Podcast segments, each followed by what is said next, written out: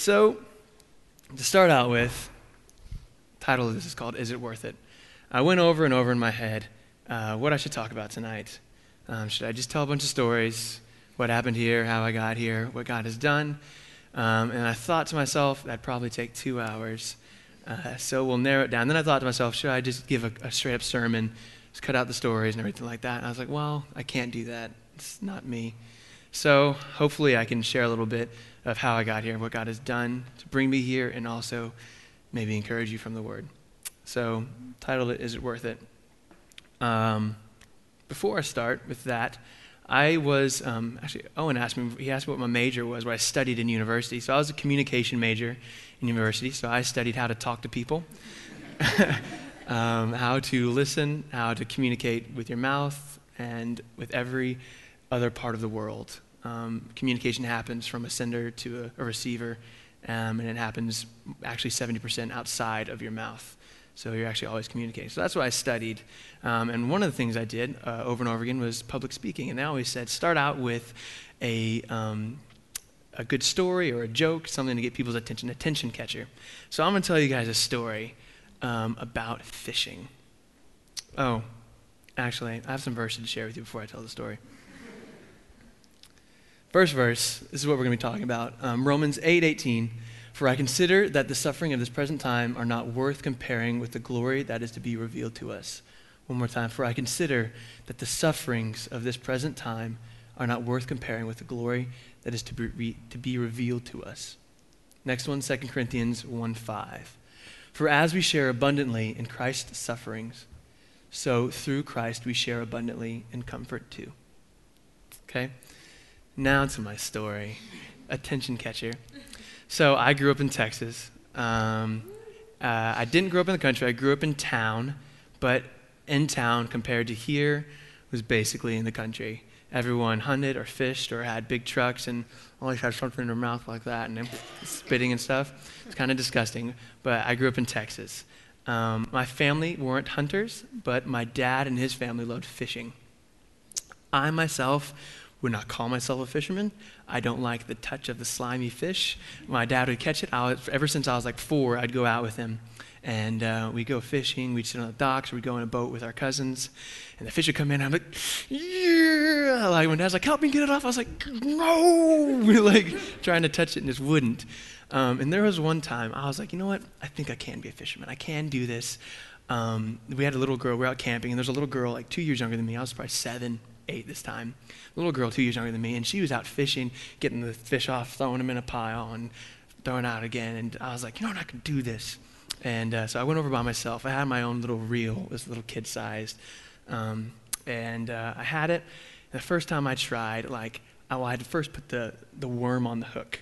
Um, and I just hate this feel of the worm too. And then I was like, I'm hurting the worm. And it's, it's like, it's, you're okay. And it's still moving, so it's still alive. I'm like, you're still okay.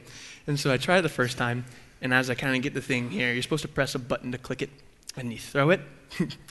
so I, I here, I press the button, I'm about to throw it, and the worm falls off because I didn't put it on well enough because I thought I was hurting it. So the worm fell off. I was like, oh, dang. So I go grab another worm, put it on the hook. I'm like, okay. and I just, with all my might of a little eight year old, uh, I just swing it. And I didn't click the thing hard enough. So what happens? The hook swings around with the worm and hooks into my nose. I go, ah, just staring at it. And me, I'm, i think my pride has always hurt more than my pain. So I'm always like, ah. and the little girl's over there. I was like, she can't see me. And I just see the worm squiggling. I was like, no. And so I ended up having to like I, I, ended up trying to get out myself, and I was like, Ugh. so I went over to my dad, and he and everyone else is laughing at me. So it, it, luckily it didn't go through anything; it just caught the, the skin right here on my nose, and they just pulled it off. Um, so that, and so I, at that point, I was like, I'm not going to be a fisherman. I have no need to be a fisherman, no purpose for me to be a fisherman. The only reason I would do this is to like make my family, dad, well, I mean, not even make him happy. He doesn't even fish that much. I was like, there's no reason. And university for a little bit long, uh, for a little small amount of time, my friends and I were like, we're not going to pay for any food anymore. We're going to fish. We lived on the coast. So our university was on the island. We're like, we're going to fish. It's like, I don't want to do this. I don't want to do this. Uh, looking at my nose. And um, we ended up, uh, we got these spears. So we went spear fishing. And you just feel like a man. So I was like, you know what? I can do this. There's no, there's no hook, there's no worm. So I get in, and you basically put scuba goggles on and a snorkel. You're just swimming around. You see a fish. There's an elastic thing at the end of the spear, and you have it around your wrist, kind of like this. And the spear is hooked to this. And so you pull it back and hold on to it. And you see it just just and you pull it, like, yes! So I did that once, and then after the second fish I caught, we ate them. The second fish I caught, I put it down, and it was like a catfish, and it had these little gill things. And I tried getting it off. I actually touched it, and then it sliced me. I was like, ah, never again, never again. I'd never fished again. So I am not a fisherman um, by name or by skill. And I just wanted to tell you guys that to one to calm me down a little bit because I think that was quite a funny story.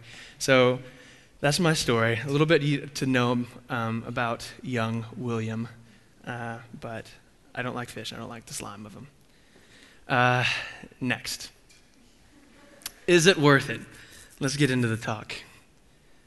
Uh, before, actually, before I go into any more, I do want to take this opportunity. I, I was always told that whenever you're speaking, if you forget to share the gospel, in any sort of way, you may have missed something. I mean, you absolutely have missed something. So before I get in too much of the talk and maybe run out of time, I don't want to miss who Jesus is. So before we get into my points, I want to quickly introduce to you the Jesus that I follow. Um, it'd be a shame if I spent this time just talking about him and assuming you had the wrong or you had the right idea, but you have the wrong one. Um, I assume a lot of you are followers and believers, and I've seen it. I've seen fruit in your life. But for, for you, this will be a reminder and hopefully an encouragement, as it will be for me. And if you don't know who Jesus is, you may have an idea of, I don't know who this guy is. Hopefully, this will clear it up for you. This is who I believe the Jesus I follow is. And I'm going to be referring to Jesus a little bit more um, in the rest of the sermon, so this will help out. So, who is Jesus? He was a man, but he was also God. And by that, you have God who we cannot see with our own eyes, because of his glory, his magnificence. If we saw it, we would die. Other parts in the Bible say that if we see him, we would die. So, Jesus was God coming to earth. We can see Jesus. And with Jesus, we can see God. So he was all man and he was all God. And he came to earth with a purpose. He never did wrong, he stood for justice. He spoke up when prideful people oppressed the weak. He was silent, though, when he was falsely accused. He was the perfect example of love. He allowed himself to be punished and killed when he could have chosen to get out of it. In his mind, there was no choice, though. He knew that there was a punishment for every wrong that we humans do, and that punishment was death. And he knew that we, humans, were incapable of getting ourselves out of that punishment. So he lived a worthy life of not being punished Oh, he lived a life not worthy of being punished. Perfect, innocent, and sinless, Jesus earned eternal life. He earned abundant life, a life with purpose, with no worry, a life where you are unconditionally loved, a life that does not end. Then, in his perfectly timed murder, he swapped his earnings with our earnings. Us, such broken, stained, and worthless people. Jesus took his perfect perfect, stainless white robes and gave them to us. Then he grabbed the filthy rags off our backs and put them over himself. He took the death punishment and he gave us the opportunity to accept the prize of abundant life. The opportunity. Even if we didn't choose it, that, that gift is still there. That was God's gift to us. That was God's gift to us. Jesus' life and his death. But then what happened? He gave us hope. And the hope we have is the resurrection of Jesus. If we had just stopped with his life and death, then the death still wins. But to show that death absolutely has no hold on God, Jesus came back to life. This is hopeful for us because death cannot beat God. And because death, and because Jesus God in human form, swapped our status with his, death cannot beat us. We can choose Jesus' gift. when we believe in all of these things that I just said, when we admit that we do actually deserve that death penalty, and we would commit to always and forever be identified with God. Just like in a relationship, always and forever be identified with God. Then we will be saved. We'll be God's, and He will be ours. That's Jesus. The Jesus I follow, that's the Jesus I believe. If you've never heard that before, hopefully you remember that. And if you have, hopefully that encourages you. Okay. How did I get to Wales? Someone asked me that. Sam was asking me that earlier um, yesterday. He's like, How did you actually get to Wales? Like, okay. Actually, I should probably put my phone out because I could probably talk about this for a long time and make sure I get it in five minutes. Okay? I'm going to time myself. How did I get to Wales? I came over five years ago. Um, I came for two summers before actually moving over. Uh, my third summer, I just stayed over. Got a three year visa, and I've been here since. And you couldn't get rid of me until now. Um, so, I came over with an organization. Well, organizations inside of organizations. Uh, you know John Robinson, hopefully. If not, he's a great guy. Um, he works for the Celt. I work for the Celt. Um, I came over with them, but also with another organization. And that organization sends students, um, university students, in the summers to go to different countries in the world. For me, I was like, I can go to Africa maybe, or like, you know, some of these crazy countries where people are sleeping in tents and stuff like that. And I was like, I'm going to, you know, wear myself out. and suffer for the Lord. I'm going to do this. You know, God's calling me to do that. Um, and there was an opportunity for me to work at a church um, at home. And I was like, oh, that's what I do. I like this. I'm good with youth. I can do that. Um, and I was, that was my plan when I was 20 years old, but then God changed that. And he said, no, you're actually going to Wales. So I came here for my first summer and didn't want to come back because sorry, uh, I didn't want to come back because I had a bad experience. I lived in John Robinson's attic for seven weeks with three other guys. I lived, worked, ate, drank, slept in John Robinson's attic. Um, went out for maybe a week and a half in the whole summer. Went to Sir Hugh Owen for a basketball week, and then the rest of the time was in his attic. It was horrible. I call that summer Patience 101. It was like just teaching me, like, I was like, okay, God, you taught me that. I'm not going back to Wales. Cool, good, good lesson. I'm patient now. then uh, but there was one person that I met that, uh, that summer in one of the schools. Um, and it was, a, it was a guy, uh, probably 16 years old. I met him. He and I talked about God a little bit. And he, as the year went on, I was like, okay, I think I'm going to go to Africa this year. And uh, um, as I was praying about it, God put that guy's face in my mind. Um, and I couldn't stop thinking about him. God's like, you know, what? you're not done there yet. It's like, okay, I'm going back to Wales this summer. I got another opportunity, a different position. Wasn't living in the attic, actually living in Caernarfon. Came to Caernarfon that year, and it was amazing, incredible. And I've never felt the Spirit of God moving in another place more than He was in Caernarfon that summer. It was incredible. Um, I came back, hung out with that one guy whose face was in my mind. He moved two weeks after I got here. Then I met another guy who went to Sir Hugh, hung out with him. I was like, hey, God's doing great work here. This is awesome. Um, at the end of the summer, met a little boy named Cameron. Uh, Cameron was 14 years old.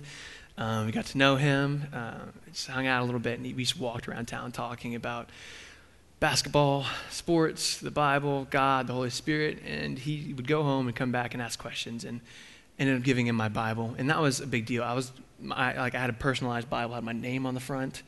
It was a study Bible, and it was like I don't want to give this up, but like he just he was hungry and he wanted something, and so I gave him the Bible. I was like, you can read this, um, and I knew I was coming back at that point. There was no doubt I was coming back. Um, it was my last year of university, um, and I had the opportunity to come over for a year or for eight months, and then to possibly extend that to two years. So with that, it's kind of like, okay, there's no brainer. This is what I'm supposed to do. Um, planned on that, came back, um, and did my, uh, I guess my first eight months. Went home for a couple months, did training, and got a new position. Got to step up the ladder. Um, uh, I got trained for two months in uh, this kind of theological small group church planting training. Went to that and then moved back over, and I've been here since um, and it's been quite incredible. Uh, a lot of amazing things have happened, a lot you've been a part of. Um, I have, since moving here, joined a local basketball league. I've played rugby with Caernarfon, thanks to Tristan. He got me involved. And because knowing I knew Tristan, like all the guys accepted me right away. It's like, it's kind of like, I don't know, you walk in with like the, like, I don't know, the rapper or something like that, like in the club. Like Tristan walked in with me, like, and he's like, hey, this is Will. And everyone's like, oh, Tristan. Yeah, come on. So got me included in the rugby club, which is great. And I, have enjoyed playing rugby. I told him the other day when I went to training, like, thanks for teaching me a real man sport. Um, um, I've also um, been to most of the schools in this area. We did a lot of assemblies. Uh, what are they? What do you call them? The, um, yeah, assemblies. Okay, yeah, assemblies. Um, uh, I've got to partner with uh, in ministry with a lot of the churches in this area, not only Caersalem, but with CPC and then um, some of the churches that Andrew helps out with, um, and it's been incredible. Um, been over to Anglesey a few times, um, and just getting to see the, the people who are still faithful and praying and seeing the new work as well. And God has done amazing things here in Caersalem, and it has been incredible to me to think about all the stuff. I, have been blessed to see things like the growth of the church body. I mean, look at us. Uh, the first time I walked into Caersalem, the only people under the age of 30 were actually, Roger wasn't even there. It was Sean and Gwion because Roger was in university. And it's like them two. and then me and a couple of the guys I worked with came in. And then there's, you know, faces that I still see. There, I don't know how many, no more than 20. And now look at it. God has done amazing work here. Um, I have not only got to see Cameron and Bethon's baptism, but I also got to witness Eben's baptism and Maggie G's. And it was amazing, incredible. Right when I moved over, I got to see them get baptized. And right before leaving, I got to see these two baptized. So just blessings on blessings. Um, I've got to work with Kalagabala. Um, been privileged to see you start and the continual growth of the youth Bible study. Um, gosh, I almost cried the other day thinking about how Roger and I were walking in Stedvad and, um, and Denbigh um, and we just started talking about, hey, he was like, hey, i have got this, I've been praying, and I feel like God wants to do youth ministry in our area. I was like, goodness, I've been telling all the people that are sending me over, praying for me, like, hey, let's do youth, uh, like, I feel God's doing youth work, like, and so I've already been thinking about that for a year, and the first conversation I had with Rodri was youth work, and like, oh. so we pray about it, we talk, we're getting excited, and it happens, and now look at it, and it's amazing. And we just did a, a, crash course of a leadership training. Hopefully, those who went through it will be able to lead Bible studies later, and can, we can continue just passing on the baton, the baton, I would say. uh, but it's just amazing to see that this idea, this feeling in our hearts, both Roger and mine, was youth work. And we're like, okay, let's, let's talk about it, let's pray about it. And God did it. And it's amazing. Like, every Sunday, for the past three years, we've hung out and just gotten close. And one of the most amazing things that Roger always tells me is like, what's cool is that you don't just hang out here, you hang out. You have a Christian community outside of church, which is, oh, gosh, I wish youth groups back in America that I've been a part of were doing that. Incredible, amazing. And there's been so much more. This has by far been the most spirit filled, God blessed stage of my life. But I'd be lying if I told you that it was easy. not that I suffered hardcore, not that this was, ah, oh, Wales was so hard. Like, I have nothing to complain about because God has been incredible, as I've said. But um, there have been a few setbacks. Uh, two weeks before moving over, I started getting a lot of people to pray for me because I talked to my dad. Well, my mom called me and she said, Hey, just letting you know, your dad um, has, gone, has been going to hospital a little bit more, and he's kind of lost a lot of function in his fingers. It's taking about 20 minutes to do his clothes in the morning, to button his buttons and everything like that. So we don't know what's happening. Just thought you should know. It's like two weeks before I'm leaving. Like my visa's bought, um, plane tickets, everything ready. And I was like, I don't know what's happening. I had a lot of people pray. I was like, I don't know if I'm supposed to go. My dad could be terminally ill. I don't know what's happening. Um, and in those prayers, I had a lot of people just like say, hey, you just listen um, you know, if you're called, you're supposed to go. If you're not called, you know, you you can be here and this can be your calling. And as I prayed, the verses that kept on coming up in my mind was, let the dead bury their dead. and that's kind of like, what? um, but the, the context of that verse uh, there's a man who, who's a rich young ruler who comes up to Jesus and he says, Hey, I want to follow you. And the disciples are like, This guy right here in our crew, yeah, Jesus, this is number one right here. Like, we, we need him. We need him. And he's like, I'm going to follow you. And uh, Jesus tells this guy, Hey, um, go sell everything you own and come follow me. And the guy walks away. They're like, Oh, okay. And then there's another guy who says, Hey, I'm going to follow you. Um, but let me first, and Jesus is like, Okay, come follow me. And the guy's like, Let me first go bury my father. And Jesus is like, Let the dead bury their dead. You can follow me now. And it's like, What? That's intense. Like, that's crazy. But he's saying, like, if I'm calling you, I'll take care of everything else. I'm calling you. You, you let that take care of itself, and you follow me now. There's a purpose for you to follow me. And you, if I'm calling you to follow me now, there's a purpose for you to follow me right now and not later. So that kept going through my mind. I was like, gosh. And so I moved over. First month of moving over, I find out my dad has Parkinson's. And was tough. Um, they said that, you know, they gave us books to read um, about what the condition could be. It could be intense. It's kind of, you really don't know what's going to happen so much, how fast it's going to affect him. And it could have been in the first three years, he could have lost uh, a lot of mobility. Um, and he has declined a lot. And it has been tough. Um, and it's one of the things of like, gosh, God, this is hard. So that happened the first month I moved here. The next year, um, I was I was just getting back. Um, I, I was I'm flying from my training. I was on the other side of the country, about to fly over, and my mom calls me, and she said, "Hey, just want to talk to you. Um, your granddad has fallen." And I was like, "Okay." And my, I, I, was thinking it was one of her, her parents. They, they've been in, you know, pretty rough condition lately, and I was like, "Gosh, this is, this is not. This got to be hard for her to tell me." But it was one of my granddads who's been like, you know, he's he's getting older, um, but it really wasn't you know, it wasn't his time, like, as far as years goes. But he fell really badly, and he was in the hospital. And she said, um, he's fallen, and it kind of seems like it's going to be a really tough recovery. He can recover. It's, it's um, doesn't look like it's terminal yet, but it's going to be really expensive and really hard and painful for the rest of his life. Just wanted you to know that.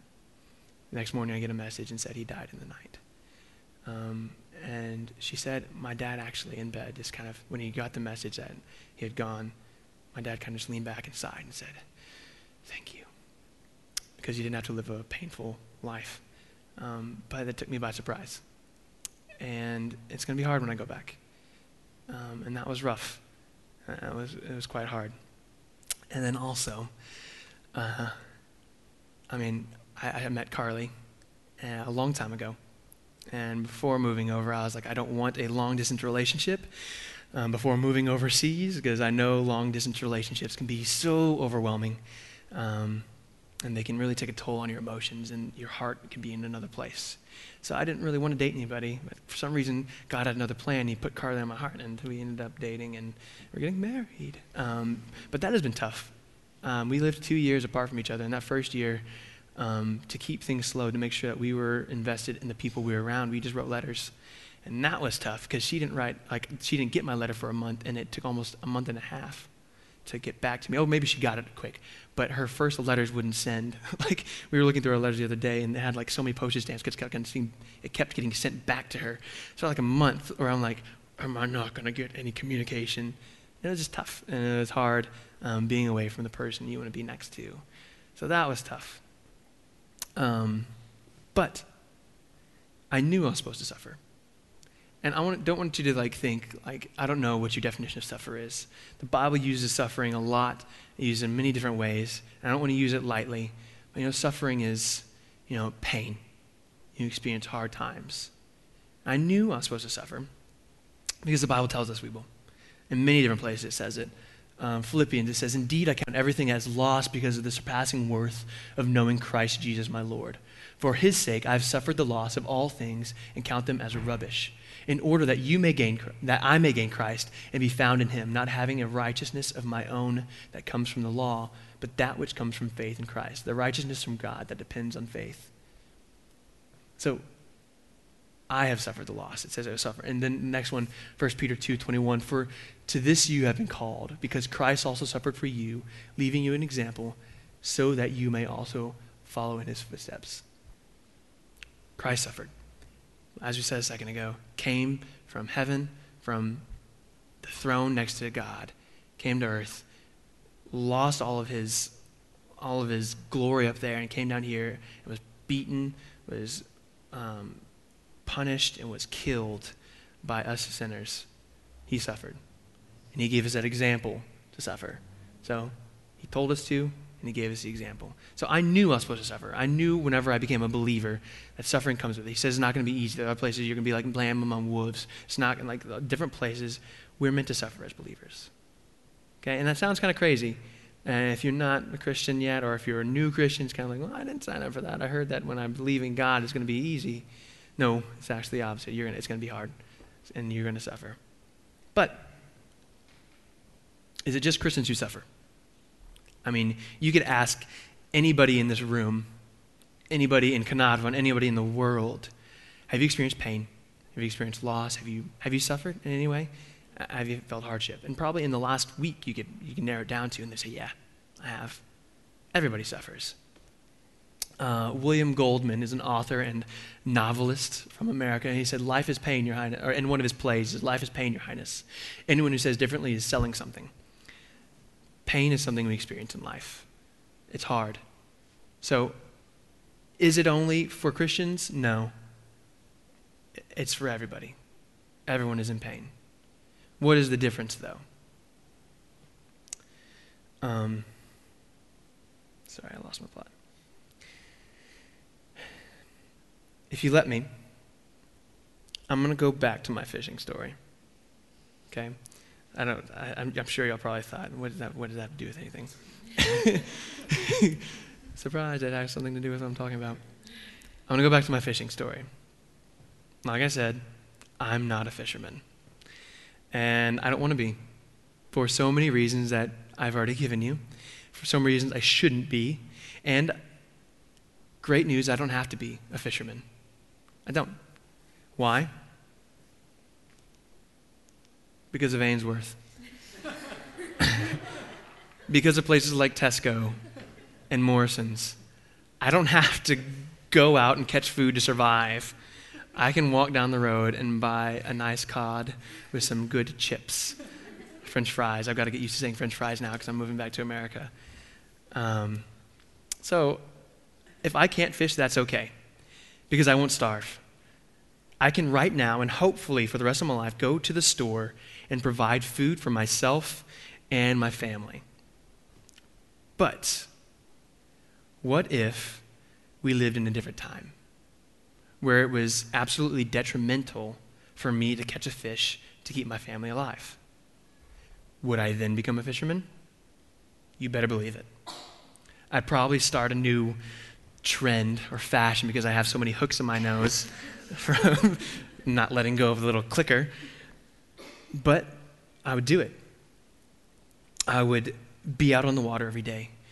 And during the sunburn, getting really red, I'd have motion sickness probably and have cuts all over my hands from all the hooks in the tackle box. And I'd have to touch these slimy fish every single day in order to feed my family. And I would do that so that they wouldn't die. Now, Jesus had multiple people following him. He had these people called disciples, um, 12 of them, and then also more joined. He had a lot of women following him if you read through. Uh, but some of these close ones were fishermen. Um, and he trained them, and he said to them, No longer are you going to be a fisherman. You're going to be you're going to be fishers of men. Sorry, I almost said that wrong. Not only are you going to be fishermen, you're not no longer going to be fishermen, but you're going to be fishers of men. Now, what was he trying to tell them when he said that? Said, You will no longer be fishing to save you and your family with the things that you catch. You will now be fishing to save the lives of those whom you are catching. It makes sense. It's changing it up. You're no longer going out and trying to save yourself and your family. You're going out, and whenever you put all this effort and hard work into fishing, as you know, because back then, I don't know if you know this, but they had spent 80% of their time making their nets. I'm sure that got annoying. And then you're like going, you probably get up and you step on, you're like, oh, it's another hole. Like, it can take another three hours. Like, that's that's got to be that's suffering for me. Like just sitting there doing nothing. You got to go out and be on the boats. You're out there. You're out fishing all night. You come back in, grab something to eat, cook the fish, go back out and fish some more. That was their job. They understood that. And he said, now you're not going out just to feed yourself. You're going out to save men. You're going to take that effort, that pain, that suffering, and that's going to be transferred into saving people. That's what he told them. And that's what he tells us. We are his disciples, we are his followers. Now, would it have been worth it had I just come over to Wales and the same circumstances happened and I was coming over for just self fulfillment? Like YOLO, you know, like not the name. You only live life once. Like, is that what? It, yeah, yeah, you only live life once. Like, what if I came over for that? Like to experience something cool, to live in another culture, you know, everything like that. It would have been amazing you know, and maybe get to say like, oh, I got to live, you know, and learn a Welsh, uh, like, uh, or a Celtic language, Welsh, you know, I got to do all that. You know, but had all the other circumstances happen, you know, not getting to spend three years, a very important time with my dad, having to spend two years away from the woman I'm about to marry, and also be on the other side of the world whenever my grandfather died. At the end of my life, had I just come over for my own self, would I get to the end of my life and say, was it worth it? I don't know. Some people may have different thoughts, but I, I would probably say no. It wasn't worth it. Um, sorry. So, is it worth it going fishing and just saying that you're a fisherman? No. But, as I said, if my family depends on me actually catching fish in order to survive, you better believe that I'm going to be a fisherman, no matter how slimy the fish is. There is a reason to step out in the deep. There was a reason for me to come over here and to stay over here when I had no idea what was happening to my father. And that reason was that I got to invest in the lives of you and the lives of your kids. I spent countless hours with Cameron. He came over to my house almost every single day after school, and we spent time talking, but mostly him eating my food. there was a time where I didn't have very much money, because I was feeding him and Kieran and whatever other friend they brought over. Luckily, my church from home started sending me money because they realized that I wasn't eating as much. but they could eat. They're growing boys. But I spent time with them, like, and I was also very exhausted from Welsh class. Welsh is hard. And I, I know y'all probably know it, but like learning it was tough. And I'd come home from my class, and literally 30 minutes after coming home, I had reading assignments and everything like that. Then Cameron knocks on the door. Hey, Will. like, it's like, Cameron, I need to go upstairs for just 20 minutes. Just 20 minutes. Let me just go, like, sit upstairs by myself for a second. It was tough. And, like, and sometimes I was annoyed. But you, you get annoyed with little brothers, you know, just like that. And so there are times where it was tough. But I, I, I love the guy. And it was worth it. Ephesians 3.13 says, So I ask you not to lose heart over what I'm suffering for um, for you, which is your glory. So I ask you not to lose heart over what I'm suffering for for you, which is your glory. This is Paul writing to the church of Ephesus after he's gone through a lot. This guy knew how to suffer. He had experienced a shipwreck. Um, he was put in jail multiple times. He was stoned. They threw stones at him to death, pretty much. Um, he was bitten by a snake, thrown in prison again, falsely accused, and these things over and over again. He tells them, hey, do not lose heart church, for my suffering because it is for your sake, it's for your glory. And that's how I feel when I'm here. Like, again, it wasn't that really hard of a time. I enjoyed my life here. I'm very, very sad to be leaving. But there was hard times. There were things that were painful. And when I go home, when I see my grandmother for the first time, and I go to Thanksgiving where everybody's supposed to be there and my granddad isn't there, I will mourn. I'll probably cry.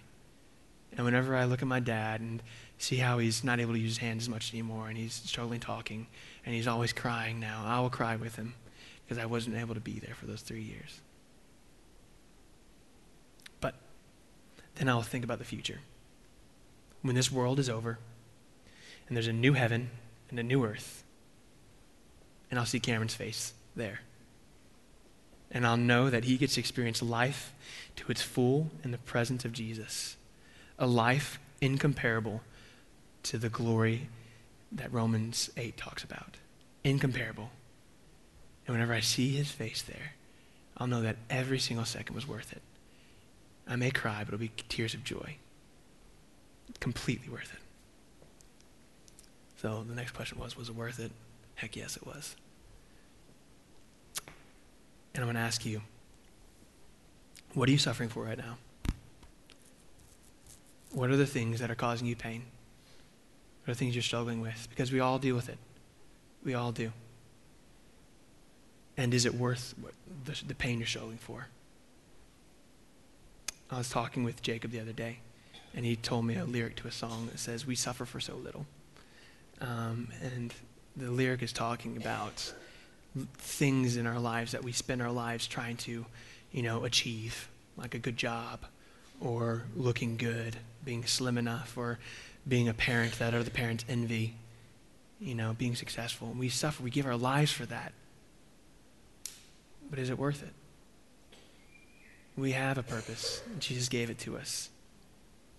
And it is so that other people will see that glory. And that they, like the Bible says, how will they know unless someone has told them? We don't just receive this gift for ourselves. Jesus offered this gift. If we take it, we have eternal life. But this isn't a gift that you keep for yourself. This is a gift that you give to other people. You're going to suffer no matter what and then you're suffering right now, just ask yourself, is it worth it all the time?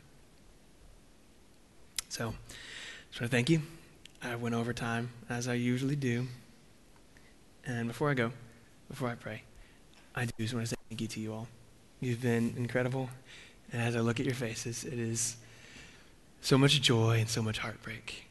Uh, uh, you have become my family here. And Caersalem has been one of the most incredible churches I've been a part of. Seeing your growth, seeing the way that you love each other, the, the ponage we have afterwards, and just talk. You know, it, used to come, oh gosh, I can remember times whenever I, I would, the only reason I would come in the mornings and the evenings, I would sometimes just come to Caersalem in the evenings because we're really busy and doing stuff. I would come just to see Tom Jones because I would sit next to him. Uh, Tom Jones, if you don't know who he is, this old, funny guy who always talked about, he's like, oh, I'm going to find you a wife. was like, I've already got my eye on someone, Tom. He's like, I'll find you a Welsh wife. I was like, I've already got my eye on someone, Tom. And like, I sat next to him all the time. And gosh, the Lord blessed me with him. He was like a grandfather to me here. God knew what he was doing. And coming and listening to Joe on give her announcements every single morning, seeing you walk down the road and uh, just stopping traffic the way you do. it's been amazing. And just, it has been a blessing. And I just want to say thank you for everything you've done for me and the way you've accepted Carly and the little time she's been here. Um, I will truly miss all of you, and I'll continue praying. And I don't know if Joanne's a prophet or not, um, but we'll see if we come back. But right now, no one knows but God. We're praying that we're living. We're going to be living in obedience, and if that call is somewhere else other than Wales, we ask that you pray for us whenever we go there, whether it be back in America or somewhere other on the other parts of the world but we want to keep serving and pouring into people. So as we pray for you, we ask that you pray for us. I'm going to pray right now. Father, thank you for this time. I thank you for everything you've done for us, God. I thank you for your growth here. Lord, you have answered so many prayers of people all across the world for this church alone.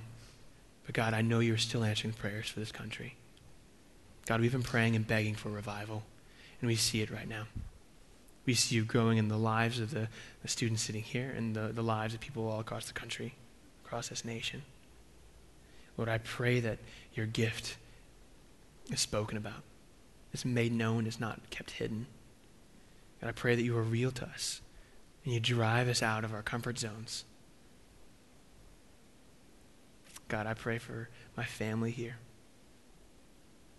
God, though I long to be with them. I pray that you continue doing the work here.